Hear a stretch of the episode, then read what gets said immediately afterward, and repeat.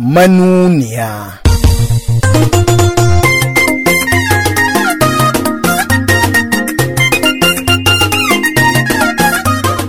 Wallahi tallahi billahi lazi la ilaha illa huwa. In ba a canza tsari ba ba abin da zai gyaru. Tun daga tsarin fito da yan takara da komai. Gara mu koma mu abin da ya muna koma mu prime minister daga shugaban kasa Wasu 'yan majalisu kenan ke tabbatar da tuntuɓan turguɗe tsarin shugaban ƙasa mai cikakken ikon da suka ce idan aka kalli tsarin za a ga yana ɗingishi. Sai dai kuma manyan sarakuna da mafasa bakin al'amuran da kan kai komo sun yi wani tuntuɓe da ɗingushi. ba ba ke nake son yi ba. In dai za mu ci da wani mulki ba ku za mu zauna lafiya ba. Ba wai tsarin mulki ba ne matsala. Shugabanci mai adalci shine yake sawa ƙasa ta ci gaba. Game da tsabar tsananin tsadar rayuwar da aka tsinci kai a ciki a Najeriya kuwa shugaban majalisar wakilai na Najeriya ne ya ce kwanan nan talakan Najeriya zai yi murmushi. mun zauna da shugaban kasa a baya an tabbatar mana duka waɗannan kayayyakin abinci za a ga suna sauka kuma cikin nan da 'yan satuttuka. In allah ya so za a ga wannan canjin. Waɗannan fa so mun taɓa muka tattaɓo cikin tarin muryoyin da za ku ji a cikin wannan shiri na manuniya.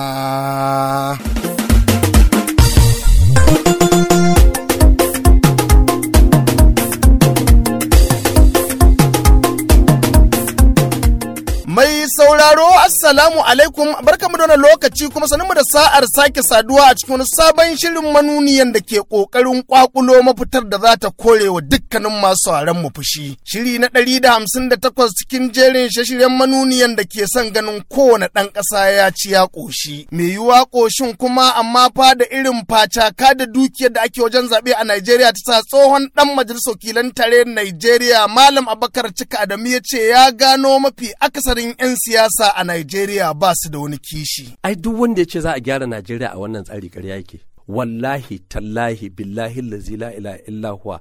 In ba a canza tsari ba ba abin da zai gyaru. Tun daga tsarin fito da yan takara da komai. Wani tsari ya kamata a yi? wal Allah ya san yadda zai iya fito da shi amma ina ganin sai an samu soma salt. A samu mutanen kirki a hito da tsari sabuwa ta demokaradiyya wadata. Amma a wannan demokaradiyya ba zai ta yi ba. Yanzu zan baka misali. Yau ga gwamnan Kaduna. Yau idan zai koma gwamna alal misali a tsarin da muke da shi ba zai kashe biliyan biyar ba? To nawa ne ya samu albashi? Aka samu kanka ba ta ina zai same su? Shi ke cewa masu zuwa neman mukamin siyasar nan ba dan Allah suke yi ba. Da in dan Allah ne ba za ka yi ba saboda sai ka nemo haramun kasa a ci shi yasa a 2019 an zaɓe ni 2015 primaries ina zaune garin nan babu inda na je. Na ci zaɓe bana waje. Aka neman maza na ce ni bana nan ina Nijar don ni bana so yi. Na yi na ga 2019 in zan yi sai na haɗa da haramci ma. Sai na ce bana yi. Ba gidan wanda na je. Bana so bana so don na san idan za ka yi ta tun farko sai ka fara sata. Tuni ma dai ganin irin koke-koke da tsarin shugaban ƙasa mai cikakken iko da ake ta faman yi a Najeriya ya sa wasu 'yan majalisar ƙasa guda 60 neman sabon sauyi ta hanyar haɗa kai da kowane sashi. Kuma ɗan majalisa Abdulsamad da Suki shi ke limancin 'yan majalisar da suka ce kawai komawa tsohon tsarin falamantari shine zai taimaka don tsarin ya fi armashi. Eh, mu 60 yau mun ɗauki mataki an yi karatu na harko na dokoki guda uku kundin tsarin mulki garan bawul muka so mu mashi in Allah yarda a bi wannan tsari na wannan tsari kamar yadda ka sani shine tsarin da muka sama tun lokacin su saddauna ya muna aiki amma tun da aka bashi har yanzu mun kasa gane kanmu a matsayin mu 'yan Najeriya sai muka ce gara mu koma mu abin da ya yi muna koma mu prime minister daga shugaban kasa kuma wanda za a zaɓe su daga cikin majalisa har da ministocin su daga majalisa amma kamar da muka ce eh, gaskiya bisa ga tattauna da muke ta yi mu duka tunanin mu cewa shekara ta 2031 ya kamata mu koma wannan tsarin da Allah Tuni dai dattawan ƙasa ma irin su mai martaba sarkin Ningi Alhaji Yunusu Muhammad ɗan yaya suka rungumi wannan kiran da suka ce ai da ma tsarin mulki ne da Nigerian ta taɓa rayuwa a ƙarƙashi. sojoji da suka hawa wannan mulki da sauran yan boko a presidential system.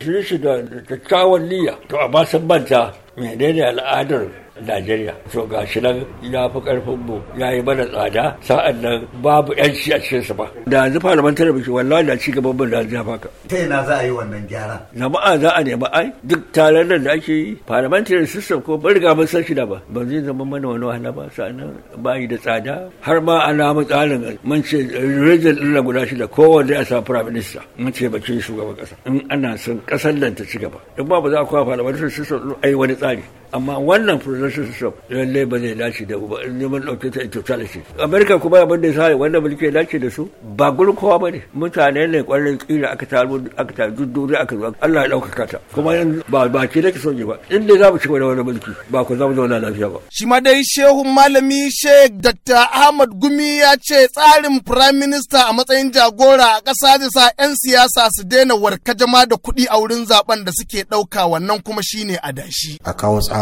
parliament wato majalisa zai rage sayan kuri'u kuma zai rage iyakan da'irar da ake zaɓe. Domin wakilai wakilai ne za zaɓa.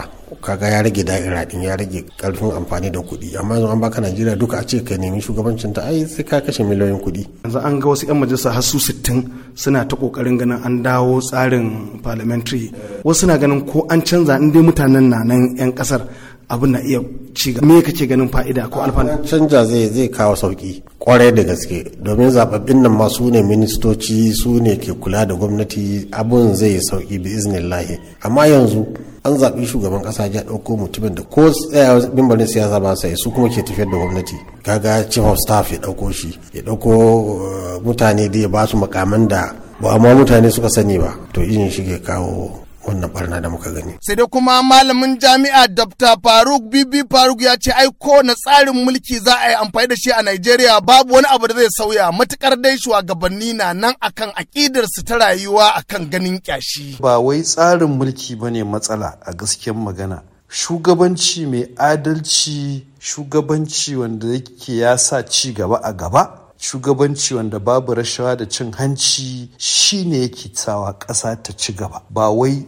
irin tsarin da ta ɗauka take amfani da shi ba ne saboda a kowane irin tsari in ka ɗauka an ciyar da ƙasashe gaba a kowane irin tsari kuma ka ɗauka an rushe ƙasashe an talautar da su. Tabbas akwai irin tsarin mulkin da za a iya kalla a ce wataƙila ƙasa kaza za ta fi dacewa da shi saboda bambance-bambancen da take ciki. To amma wasu ƙasashen ma wannan tsarin mulkin alal misali na shugaban ƙasa da mai cikakke iko da ake gudu shi kuma 'yan amerika din da suka ɗauka suke ganin saboda su sun je ƙasar da bambance-bambance shi ya fi musu a'ala. Ƙarshen magana dai shugabanci a najeriya su nutsu su nemi hanyar maslahar fitar da ƙasar daga cikin kangin talauci da tattalin arziki su kyala maganar kwalliyar siyasa. Shi kuwa shugaban majalisar wakilan tarayyar najeriya dr. Abbas tajiddin cewa ke talaka zai samu sassauci saboda kwanan nan kayan masarufi zai rage farashi. Kullum muna samun labarai na irin wahalhalu da jama'a suke fuskanta musamman akan abin da ya shafi abinci. Shi yasa za ka ga mafi yawan 'yan majalisa a wannan kannin muka fi ba da fifiko akan siyan kayan abinci. Mu je mu raba mu al'ummanmu. Kun ga dan taka rawan da muka yi karken shekara da wuce inda muka sa gwamnati lallai ta tanadar da wani dan kuɗi ga kowane dan majalisa na wakilai da na dattijai don ya je ya sai abin kayan abinci ya taimaka ma al'ummarsa a rage musu wannan radadi.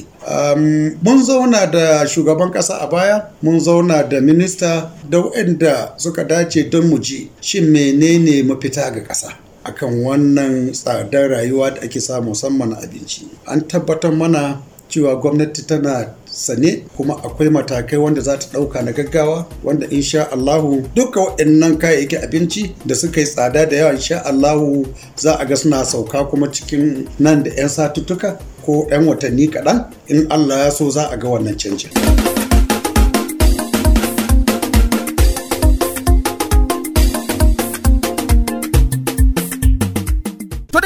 Iyaka batutuwan da za mu iya baje muku kenan a cikin shirin manuniya na wannan mako. Sai dai kafin mu yi sallama sai mun sanar da dukkanin masu dafa da marafin iko cewa kwanakin da ake keɓe musu fa ƙara ƙarewa suke kullum kwanan duniya kamar dai numfashi. Domin kuwa daga juma'a na ma saura kwanaki dubu ɗaya da ɗari ɗaya da casa'in ne su yi sallamar sakin kujerun kuma babu wanda zai ce wai sun cancanci rarrashi. Kuma a madadin dukkanin waɗanda kan taimaka wajen tabbatar da wannan shiri ya zo muku musamman ma dai Abdulwahab Muhammad na jihar Bauchi da kuma Mahmud Ibrahim farin jihar Kanawa sai maman manuniya Madina Daudan da kan yi daudalar dawo mana da muryoyi kashi-kashi. Ni Isa Lol Ikara da kan shirya an gabatar ne nake cewa sai kun mako idan Allah ya sake sada mu a cikin wani sabon shirin na